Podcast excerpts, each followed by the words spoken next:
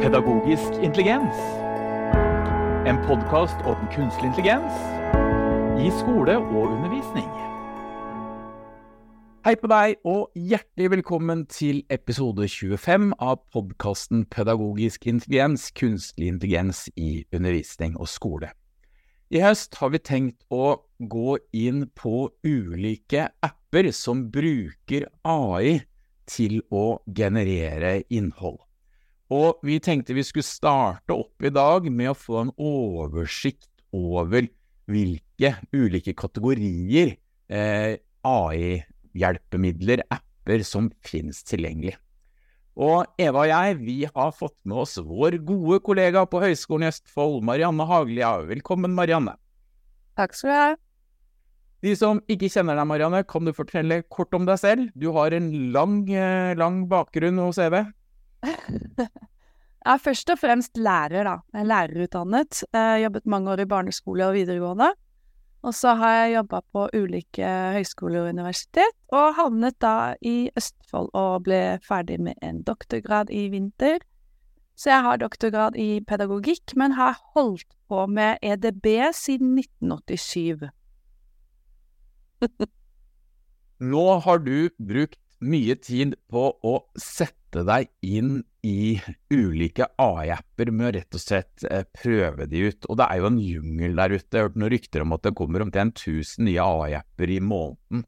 Eh, og du har gjort et arbeid med en Padlet som du har laget og delt på, på gruppen eh, ChatGPT Norge.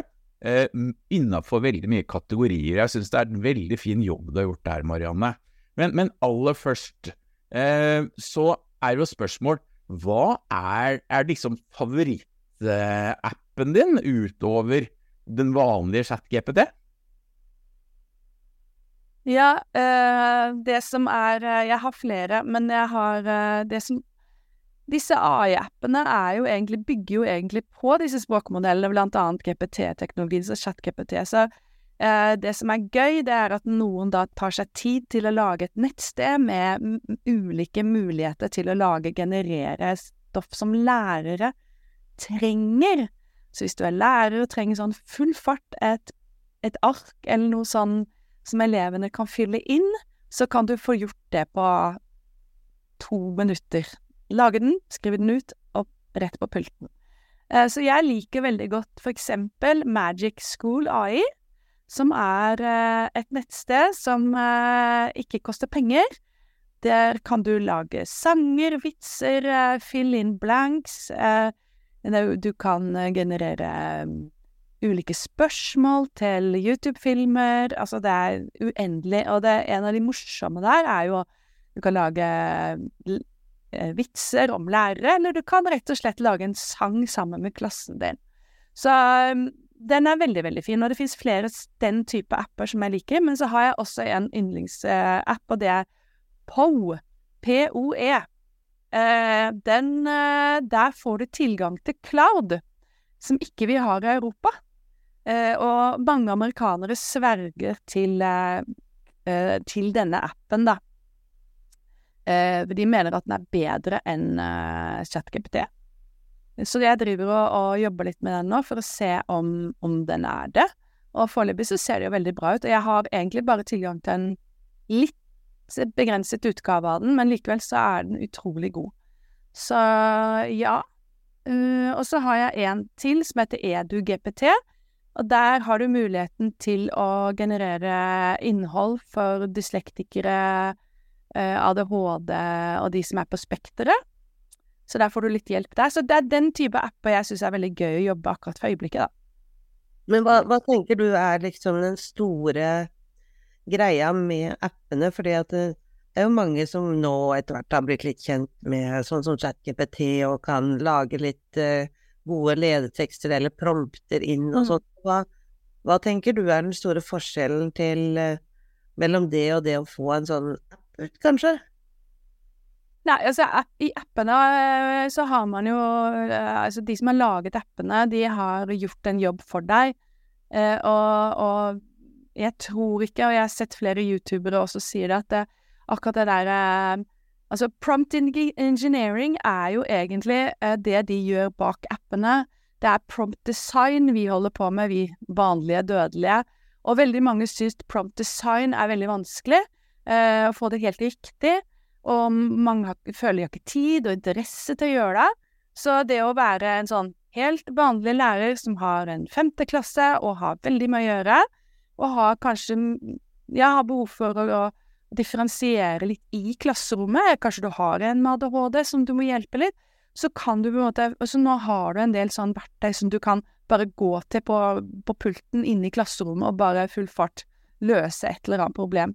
Eh, så du slipper den der eh, sitte og fikle, sånn som mange av oss andre som har litt sånn ja, litt mer interesse for det.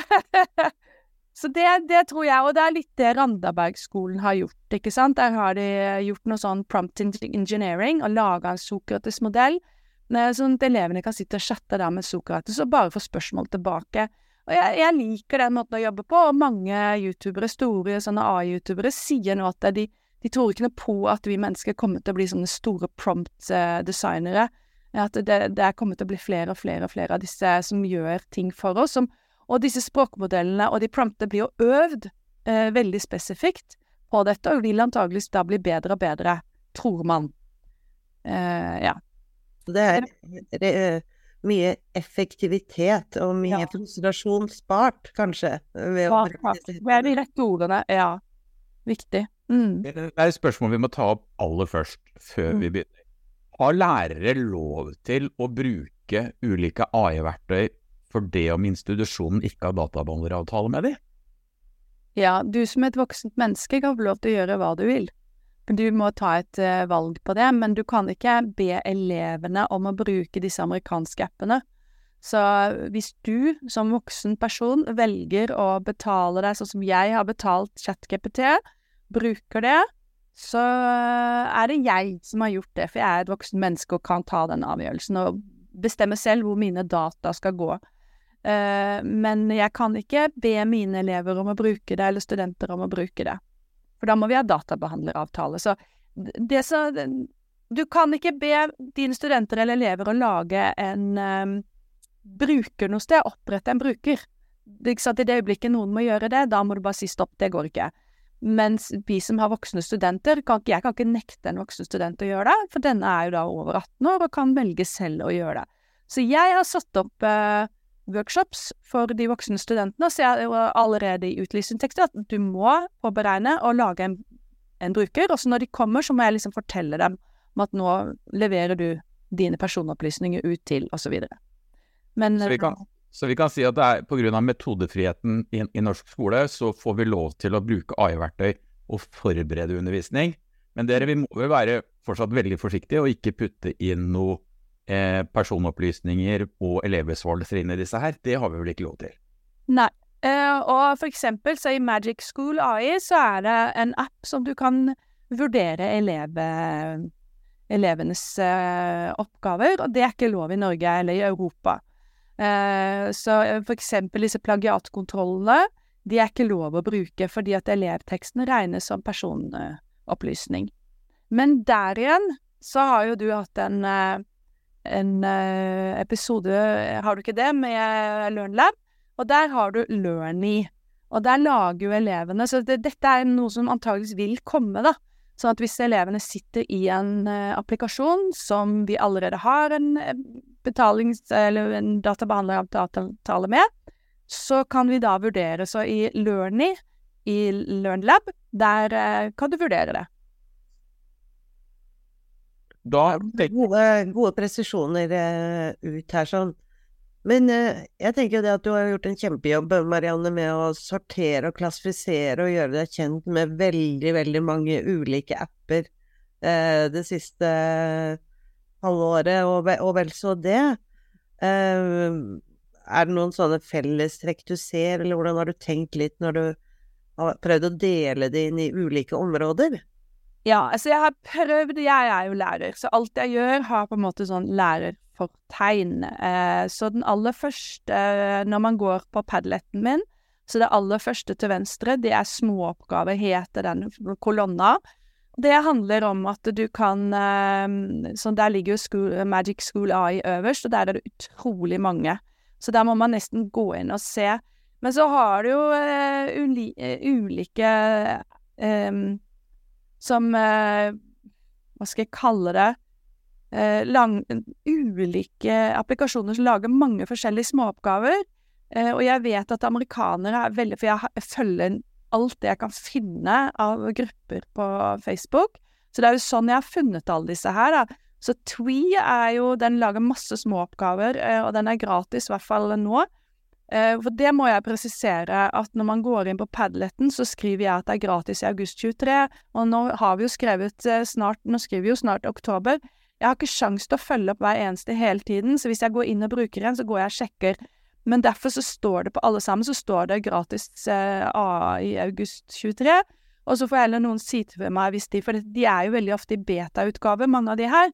Eh, som eh, jeg skal Hvis vi går til eksempel det å søke akademiske tekster, som er en midtkolonne på Padleten, så var jo Elisit eh, gratis, men er ikke det lenger nå. Eh, så nå i september så blei den betalingsversjonen, så det vil vi nok oppleve på mange av disse. Men iallfall første kolonne handler om småoppgaver, og hele Padleten heter ulike AI-applikasjoner for lærere. Så jeg presiserer at ikke det er for elever. Eh, og her er det jo alt fra å kunne skrive bedtime story-historier, eh, og den Study Magic, som er også utrolig gøy, for der lages det masse flashcards, og du kan lage noen få gratis, men så må du jo da betale åtte dollar måneden hvis du skal bruke den. Som for en student så er jo denne veldig, veldig fin. Eh, og sånn, sånn er det nedover. Lingostar er jo et sånt eh, Hvis du skal øve språk, så får du språkhjelp der. Så har du neste kolonne, der handler det om um, ulike presentasjoner. Jeg bruker veldig mye Canva og har betalt for den, liker den veldig godt. Der ligger det en AI inni Canva. Altså Canva i seg selv er ikke AI, men der ligger det en AI-hjelp inni. Uh, ulike presentasjoner man kan lage. Noen er flinke til å, å hente opp uh, um, malere i, uh, i PowerPoint. Andre eh, bruker mer den type presentasjon i Google osv. Så, videre. så her ligger det litt forskjellig, og det koster litt forskjellig. Eh, også den Kan ikke du fortelle, Jeg vet at Canva er en av dine favoritter. Ja. Som er designer, hun bruker jo Canva som arbeidsverktøy. Kan ikke du fortelle litt mer om hva er Canva? Canva er eh, rett og slett uh, ulike forhåndsdefinerte maler. Eh, og for de som husker Microsoft Illustrator uh, fra gamle dager, så ligner det litt på det, bare en utrolig mye bedre utgave. Så når du kommer inn på Canva, så kan du velge ulike maler, og du kan el velge ulike hvordan det skal se ut, da. Uh, så for for de som er da og ser dette som YouTube-film, så vil de jo se det på skjermen her nå. Men jeg lager alt fra presentasjoner til eh, Unnskyld, jeg har en hund i huset mitt. Det er ikke ofte den bjeffer, men det gjorde han selvfølgelig nå. Eh, den eh, har eh, ulike informasjonsgrafikker eh, som jeg bruker veldig ofte til å Jeg bruker det faktisk mye til å tenke. Rett og slett for hvordan, hva er det forskjellene på ting. Så jeg lager sånne infographics. Så her har jeg laga en uh, utfordring med generativ AI, og så har jeg da For å lære meg Canva, også for å liksom ha noe å vise fram, så har jeg laga da sånn ni forskjellige utfordringer med eh, feil informasjon kan man jo ofte få med generativ AI, ikke sant?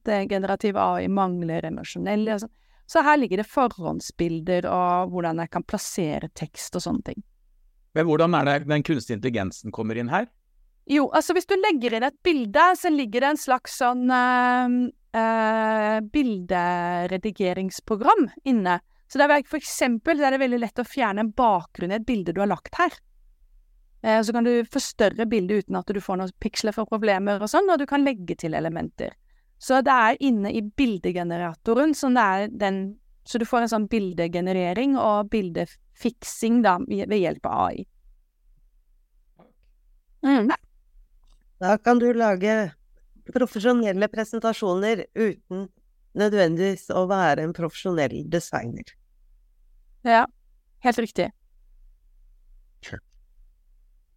Er det noen andre eh, sånne hovedområder som du tenker at eh, kan være veldig nyttig for en lærer. Altså, én ting er jo liksom det å planlegge undervisninga si, og det å få hjelp til å kanskje produsere noe innhold eller å lage presentasjoner. Eh, er det noen andre ting som du har bitt deg spesielt merke i når du har holdt på her? Nei, så det er jo eh, inne i uh, Magic School så får du hjelp til den der planleggingen av undervisningen din. Uh, og den uh, er det jo Det ser jeg veldig mange som bruker.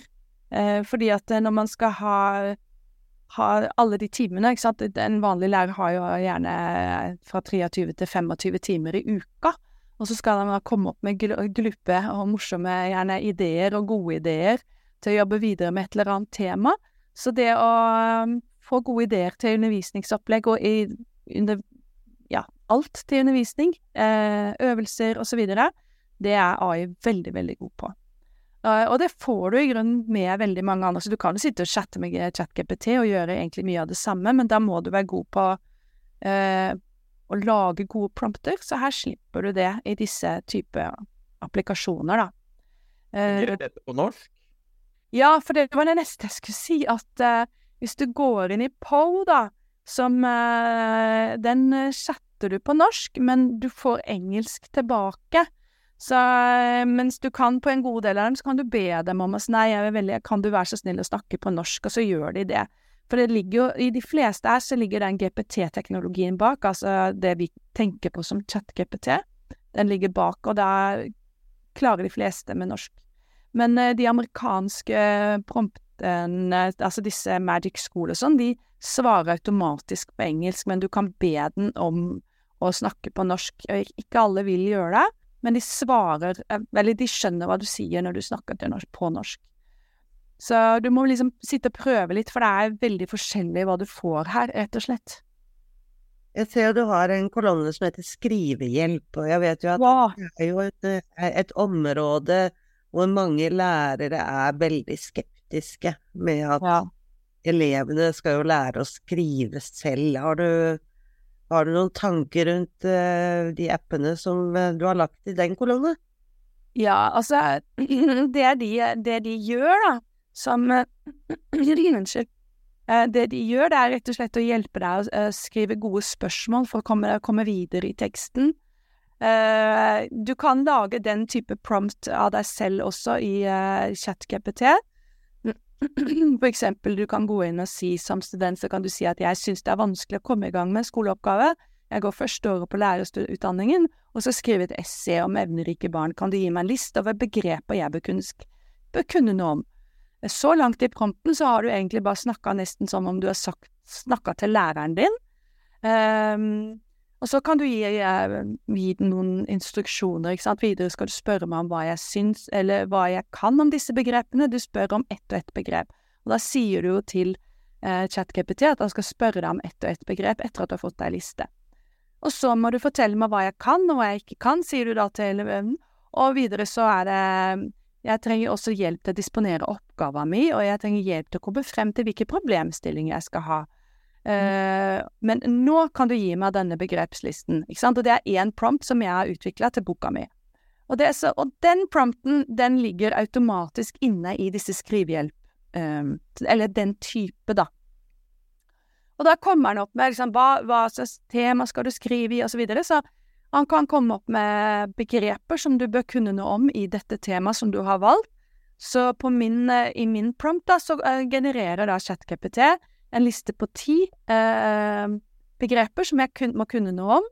Og, og, så begynner den da på eh, nummer én. Kan du denne? Hva kan du om denne? Så den hjelper deg i gang. Den hjelper deg med å strukturere arbeidet ditt, og det er akkurat det skrivehjelpen gjør. Men veldig mange av de driver da med den type skrivehjelp som handler om å få gode setningsoppbygninger, eh, skrive rett, rette skrivefeil osv., og, så videre, og komme med gode eksempel på hvordan du kan skrive det litt annerledes, eller kanskje du har et litt for lite formelt språk, og så hjelper han deg til å få språket mer formelt. Så du kan gjøre alt det de eh, skriveappene gjør, det kan du gjøre i ChatGPT, men igjen så er det denne type at de har laga denne prompten i bakkant, da. Ja, sånn at du slipper å, å tenke på hva som skal Ja. være, men du får beskjed om hva du skal skrive inn, og kan få hjelp til å komme videre på den måten. Ja, fordi at studentene og elevene er, eh, er ikke gode nok til å strukturere ting, så det kan være en god måte å strukturere det på. Um, og der skal det sies at det, det er veldig stor forskjell på de tekstene som leveres på ungdomsskolen og videregående skole og høyere i akademia. Så veldig med de at skrivehjelpene her, de er jo fra akademia. Uh, så når man legger bare inn en prompt, kan du skrive en tekst om et eller annet tema, så får du en veldig sånn ge- em, generell tekst av en chatbot, eh, og den er på nivå med ungdomsskole og videregående skole. Så jeg skjønner at de skoleslagene sliter, men så tenker jeg da må man heller snu på problemene, og så tenker jeg at eh, ok, de ligger der, hvordan kan jeg gi oppgave så jeg kan utnytte det på en eller annen måte? Og da ville jo jeg ha gitt en oppgave med bruk av en eller annen form for AI, eller rett og slett at dette sier AI-en, hva syns du om det, hvordan ville du ha angrepet dette eh, i en oppgave? Så du, du er nødt til å If you can't beat them, join them. Det er eneste mulighet. Men man, det krever at du er litt, eh, har en del ideer om det, da. Marianne, både du og jeg er dyslektikere. Eh, Er det noen av, av disse verktøyene du vil anbefale i forhold til eh, Jeg bruker ChatGPT for å forbedre teksten min. Er det noen av disse skrivehjelp-appene du bruker til å forbedre det du har skrevet, skrevet før du publiserer noe? Ja, altså EduGPT den har jo forhåndslaget en del prompter. Eh, og den har eh, Så når man går inn på EduGPT, så er det utrolig mange, og man blir litt sånn wow, kjempemasse. Liksom, eh, scroller man litt grann ned, så ser man at det kommer en lilla linje, og der står det dysleksi, autisme, dyskalkuli og ADHD. Og der også står det chat now. Og de er forhånds... eh, de, de har eh, gjort en del sånn forhåndsarbeid med å jobbe ut en god eh, Så her kan du gå inn, og så kan du eh, chatte med ChatGPT 3.5. Eh, og så har du teaching-metodologier, og så individualisering, da. Så her kan du gjøre en del eh, For denne Dr. Wordwise er jo da dyslektiker-ekspert. Og så kan du begynne å fortelle hva som er utfordringen din, og da kan du eh, skrive inn det. Så den må du også jobbe litt med før du på en måte får den akkurat sånn som du eh, tenker. Så jeg har sett en del norske lærere som har oppdaga den og bare 'Å, den var kjempefin'. Så når du går på ADHD, for eksempel, så får du hjelp til å, å disponere oppgavene. For det er jo det som er problemstillingen med ADHD, gjerne, er at de må ha én og én oppgave, og det å få rydda litt i det kaoset. Men dyslektikere har gjerne da språkutfordringen med å eh, få de riktige ordene og så videre, og så har man gjerne ofte de samme ordene som går igjen som du sliter med, ikke sant? Eh, men likheten mellom dysleksi og ADHD handler jo om at de har kort minnespenn også, så de husker veldig Altså bruker litt lengre tid på å få med seg ting. Så ja, der har du eh, fire muligheter da, som lærer til å gå inn og Men jeg, jeg anbefaler at du setter deg ned og prøver det litt, og jeg vet også at det finnes en til eh, som det står litt stille akkurat nå, som har akkurat det samme eh, som Jeg husker plutselig ikke nå hvem av de, de av alle disse her. Men det ligger en sånn til. Med et lite kort Google-søk, så finner du den. Men det betyr jo det her at det er mange lærere som kanskje kan få hjelp til å strukturere undervisninga si for disse elevgruppene som eh, kan ha noen utfordringer, Mm. uten at man kanskje er en ekspert selv. Ja, absolutt. Og, og det som er utfordringen når du har liksom sånn 25-30 elever, eh, så er det så mye som skjer, og det er så vanskelig å få eh, differensiert godt nok. Og, og eh, derfor er disse verktøyene gode, fordi at man kan eh, få litt sånn drahjelp til å lage tilpasset undervisningsmateriell da, til disse. Så, men alle disse som ligger her, de er ikke laget for elever, men de er laget for læreren. Så bare så dere er klar over det. Men. Så jeg, jeg, hadde jeg vært lærer i dag, så hadde jeg hivd meg over disse her, og så hadde jeg prøvd ett og ett verktøy. Og jeg, og jeg ville også påpeke én ting, og det er at én lærer klarer ikke alt. Altså, jeg har brukt vanvittig mye tid. Altså, jeg har vel nesten ikke hatt sommerferie for å klare å få oversikt. Nå begynner jeg å få et ganske go godt oversikt over markedet. Eh, og det er som Magnus sa, det er liksom 1000 Jeg tror det var 1000 i måneden sånn i januar, februar, mars. Eh, det har nok gått litt ned, for nå er det mer eh, at de kommer med oppdateringer, mange av disse, men det kommer stadig nye. Eh, men akkurat på dette området, for som dere ser, så har ikke jeg lagt ut så himla mange om For den helt borterste kolonnen, der er det en del sånn annerledes ting. Og der har du Audopen AI og litt sånn derre film og lyd og, og, den type ting. Eh, og så har du også for eksempel Worm GPT. Mange snakker jo om at GPT har blitt litt sånn woke, ikke sant. Og Worm GPT er jo da det stikk motsatte. Da kan man jo jobbe litt med den for å se hva er det ChatGPT ikke gir deg, for eksempel. Uh, og ja, uh, nå datt jeg litt ut av det. Eh, unnskyld. Nei, det gjorde du ikke. Det var, du har en samlekategori på masse spennende Ja, jeg har det. Veldig mange uh, ulike som Opinion uh, GPT er jo veldig morsom, for der får du Den er laget av Universitetet i Berlin, og det er der de laga forskjellige boter da, som har forskjellige meninger. Uh, og der kan du få litt sånn motstand. Så det er også en av de tingene jeg syns er veldig ålreit med disse språkmodellene, er at du kan sette elever eller elevgrupper da, til å, å, å jobbe med litt sånn Diskutere med litt motstand, rett og slett. Og få dem til å tenke. Så jeg tenker at hvis man hadde Om ikke man uh, har muligheten til at elevene har det på hver sin PC, så kanskje man har noen gamle datamaskiner, og så kan man logge på på sin egen bruker, og så kan elevene sitte og chatte med en eller annen burt, da. Eller sånn som det er gjort i Randaberg AI, at man bruker Randaberg AI, og så kan elevene chatte med en bot for å liksom få litt sånn motstand og motforestillinger mot noe. Det er en god øvelse. Jeg ser at du har en kategori som heter plagiatkontroller, men også skrevet 'virker ikke', og der ja. er du helt enig. Jeg holdt foredrag i Grieghallen i august, og rett etter meg kom Inga Strømke. Hun sa følgende Du vil aldri få en plagiatkontroll eh, på ChatGPT som eh, er laget av noen andre enn OpenAI, for du må vite hvordan den algoritmen er bygd opp for å kunne si om det er fusk eller ikke. Er det noen av disse plagiatkontrollene jeg gjetter på, Marianne, at du har prøvd å putte inn masse tekster? Er, er, er det noen nå, nå, er vi jo mot å tenke fusk, alle sammen. Både ja. Eva, Marianne og Magnus. Men eh, hvem syns du fungerer best hvis man skulle prøvd å tatt fusk? Uh, nei, ingen av dem fungerer best, fordi at uh, en del av de tekstene jeg har lagt inn, sier han er uh, plagiat, nei, at det er plagiat, men så er det mine gamle tekster. Så, og, og, man har Jeg har også lagt ut her, i den lista så ligger det også artikler til Ganske nye artikler til forskere som har testa de. og de aller beste plagiatkontrollene har en sånn feilmargin på la oss si rundt 5% og det betyr at han tar 5 feil, eh, og det betyr at du fort kan eh, påpeke at noen har gjort feil, uten at de faktisk har gjort det, og det skal vi passe oss vel for. Vi har jo disse selvplageringssakene som har eh, gått frem og tilbake i media nå i et halvt års tid, men de har jo ridd disse stakkars studentene nå i et par-tre år. Og det er en direkte årsak av AI.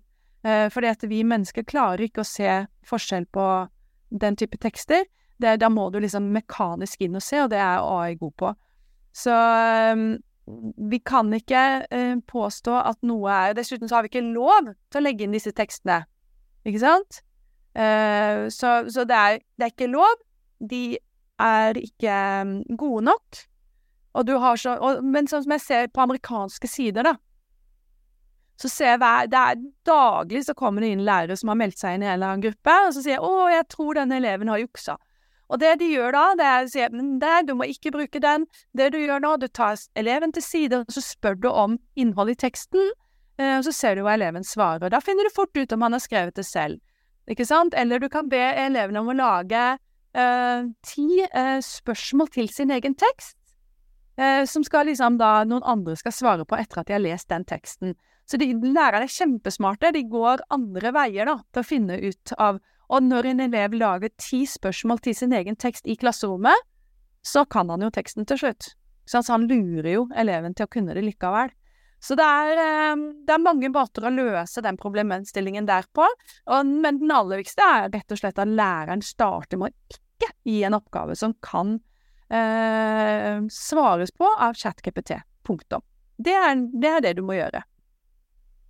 Marianne, nå ønsker jeg at vi tar på oss akademikerhatten, for du er jo Ja. akkurat ferdig med doktorgraden din. Gratulerer med det, forresten. Takk. Eh, det er jo dette her som jeg syns er veldig spennende om dagen, det er også å snakke med, med PDF-er, og så, og så Ja. i dybden på en artikkel, og rett og slett snakke med en. Kan ikke du fortelle litt om det?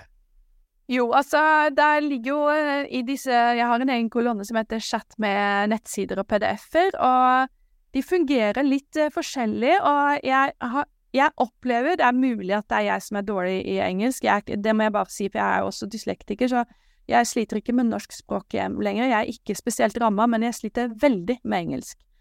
Uh, og det betyr at jeg uh, har alltid brukt veldig mye verktøy for å Og i starten av uh, avhandlinga, som var tilbake i 2016, så brukte jeg Google Translate, og det, alle vet jo hvordan den var i 2016. Den var skikkelig dårlig, men den ga meg i hvert fall litt inntrykk av hva teksten handla om. Eh, og, og nå kan jeg liksom, på en god del av disse her, så kan jeg lese inn og s- spørre. Jeg har ikke vært noe god til å lese inn, Magnus, eh, så jeg har bare testet sånn veldig kort det, men dette er noe som kommer i full fart nå. Fordi i det øyeblikket noen leverer eh, lydstøtte, så gjør alle det. Og hvis du skal ut i Europa, som er et kjempestort marked, så må du være universelt utforma, og det betyr at du må ha lydstøtte. Eh, både at du kan eh, skrive med munnen og lese med ørene. Eh, og da eh, Altså diktere da og lese med ørene. Så jeg jeg syns noen er til dels gode, andre syns jeg er dårlige, men det er en teknikk som man må lære seg, for det den aller første gjør, hvis ikke du lager noen gode prompter, så går han rett på eh, hovedsetningene i eh, dokumentene og bare ramser de opp. Det som skjer da, det er at du eh, du på en måte veldig, veldig sånn skumleser dokumentet og ser hva den handler om, og da kan du fort legge det fra deg eller, ikke, eller bestemme at nei, her, dette ser interessant ut. For som en akademiker så må du eh, lese eh, summary for å se om dette dokumentet er noe du gidder å bruke mer energi på. Summary og kanskje eh, oppsummeringen eller konklusjonen, da. Og hvis det ser interessant ut, så kan du da det inn i en sånn chattebot for å se om det er noe mer å hente. Og hvis den er aktuell, så vil jeg jo påstå fortsatt at man skal lese dokumentet. Men han plukker ut altså eh, nøkkelord, og han plukker ut eh, hovedsetninger. Det er den der basically gjør. Uh, og jeg Den ref reflekterer ikke sånn høyt uh, på høyt nivå. Det gjør den ikke. Men jeg syns de begynner å bli bedre, og jeg tipper at de kommer til å bli mye bedre etter hvert. Hvor disse chatbotene som er øvd på akkurat dette, blir bedre i arbeidet sitt. Jeg vet ikke hva du opplever, Magnus? Jeg er i den spede begynnelse Ja. på å gjøre dette her, men jeg syns det virker veldig spennende. Ja. Mariann, du har en kategori som er også kalt søk i akademiske tekster. Er det for å finne artikler, tenker Ja. du da? Ja. Uh, og dem finnes det faktisk ganske mange av, og det er en som ikke ligger, eller et par som ikke ligger her, fordi at det er uh, uh, programvarer som du legger på maskinen, som jeg har tenkt å bruke høsten på, hvor du uh, for eksempel en god del av de her, så søker du. Så dette er, er applikasjoner du kommer til på nett, som eh, eh, Elicit, som jeg allerede har nevnt. Og så har du eh, Researcher App. Så en god del Open Reader Academy gir deg en helt spesiell innsikt i artikler, ikke sant. Så det som skjer da, i alle disse her, stort sett alle, det er at du søker på søkeord, sånn som du gjør på Scoop eller Google Schooler. Og så henter den opp masse artikler, men her får du sånne sidekolonner hvor de lager en liten eh, Akkurat som på disse eh, chat med PDF-ene, så får du en sånn liten summary, og så får du noen sånne eh, stikkord og setninger, hovedsetninger eller uh, nøkkelord. Uh, og så kan du velge å gå inn og chatte med noen av de. Noen de velger, altså kan du chatte med diverse em, artikler. Men de, de løses på litt forskjellige måter, så du må nesten gå inn og teste. Og så tenker jeg etter hvert så blir det nok sånn at ganske mange blir gode, og så må du så finne den som har det skjermbildet og den, hva skal vi si, hva du liker best, da. Så, sånn som eh, jeg pleier å si, at eh, du har mange typer um, programvare, men du må finne den som du liker best. Så jeg har jo alltid brukt um, Evernote og ikke OneNote. For jeg liker Evernote best, hvis du tenker den type programvare. Og sånn kommer det til å bli tror jeg, i AI, at man finner det programmet som på en måte har Vi har noen preferanser, jeg liker å jobbe sånn, og akkurat det programmet passer min arbeidstid, så jeg tror at det kommer til å bli sånn etter hvert. Uh, men de fleste her kommer nok til å begynne å koste penger, så du må liksom tenke Men det som er fint, er at du kan betale for én måned, uh, og så kan du jobbe litt med den og se hva du syns. Så jeg har jo betalt for eksempel for Perplexity en måned, og se hva jeg syns om den, og så slutter jeg med det. Jeg syns ikke den var så god. Men så snakka jeg med ei på USN, og hun likte den veldig godt, så hun har fortsatt å betale med den. Så jeg tror at vi kommer til å Perplexity er jo en sånn eh, chat-GPT-utgave. Så vi har, eh, selv om det egentlig er en søkemotor fra gammelt av, så har man blitt da mer og mer en eh, språkmodell. Så ja, det er hva, hva liker du, og hva liker du ikke. Mm. Nå skal vi gå inn for landing i uh, denne episoden, Marianne. Men den siste kategorien vil jeg snakke om uh, også. Dette er jo å lage bilder med ja. kunstig intelligens. Og spørsmålet hva er favorittappen din til å generere bilder med AI? Midjourney. jeg vet ikke om Midjourney ligger her engang, jeg, tror jeg. nei, faktisk ikke. For Midjourney foregår på Discord. Uh, og det er ganske høyt brukersnitt på den. Uh, for du må ha en Discord-bruker som er eh, et stort community. Eh, og den, den, er definitivt den beste. Eh, vi har også lasta ned noe open source eh, som er knallgod, som vi har liggende på datamaskinene her hjemme. Det er også litt høyt brukerrensitt for å få det inn. Når det først ligger på maskinen, så funker det veldig bra. Så, og jeg har utfordra studentene mine i første klasse på, eh, på lærerutdanningen, og de eh, utforsker nå veldig mange forskjellige AI-er. Eh, og det er veldig forskjellig hva de liker. Eh, den bildegeneratoren i Bing, eh, den er veldig god, men den har disse utfordringene med hender, for eksempel. Også veldig mange har også utfordringer med tekst, så det med logo og hender er fortsatt utfordring med veldig mange av disse. Eh, ideogram er kommet, den har jeg ikke lagt inn ennå. Den er veldig god på å lage logoer, så den skal jeg legge inn når jeg har testa den litt mer. Så, men det kommer mer og mer og mer, så jeg tipper neste sommer så har vi en mye bedre oversikt, eh, og kanskje det har kommet noen enda nye som er veldig, veldig gøy. Men hvis du vil holde deg eh, oppdatert på alle disse her, så er du nødt til å følge med på en god del sånne store youtubere, for de har nyheter hver uke. Og de legger ut eh, fra 20 minutter til en time hver uke hva som har skjedd i det siste. Og det, i starten, når du begynner å følge den, så blir det sånn wow, her var det mye. Men så egentlig, når du får litt oversikt og har fulgt dem en stund, så hører du at de snakker mye om det samme. De snakker om hvilken eh, modell som ligger bak, og så videre, og hvilket selskap. Så er det egentlig ikke så sinnssykt mange selskaper som holder på med dette her. I hvert fall av de store. Så du skaffer deg et visst oversikt etter hvert. Da sier jeg tusen takk for at du var med i episoden, Marianne, og tusen takk for at du har lagd denne oppsummeringa for oss. Og eh, lenke til Marianne sin Padlet det finner du i bioen til denne podkastepisoden. Og i neste episode så skal vi snakke mer om dette med å lage bilder med AI.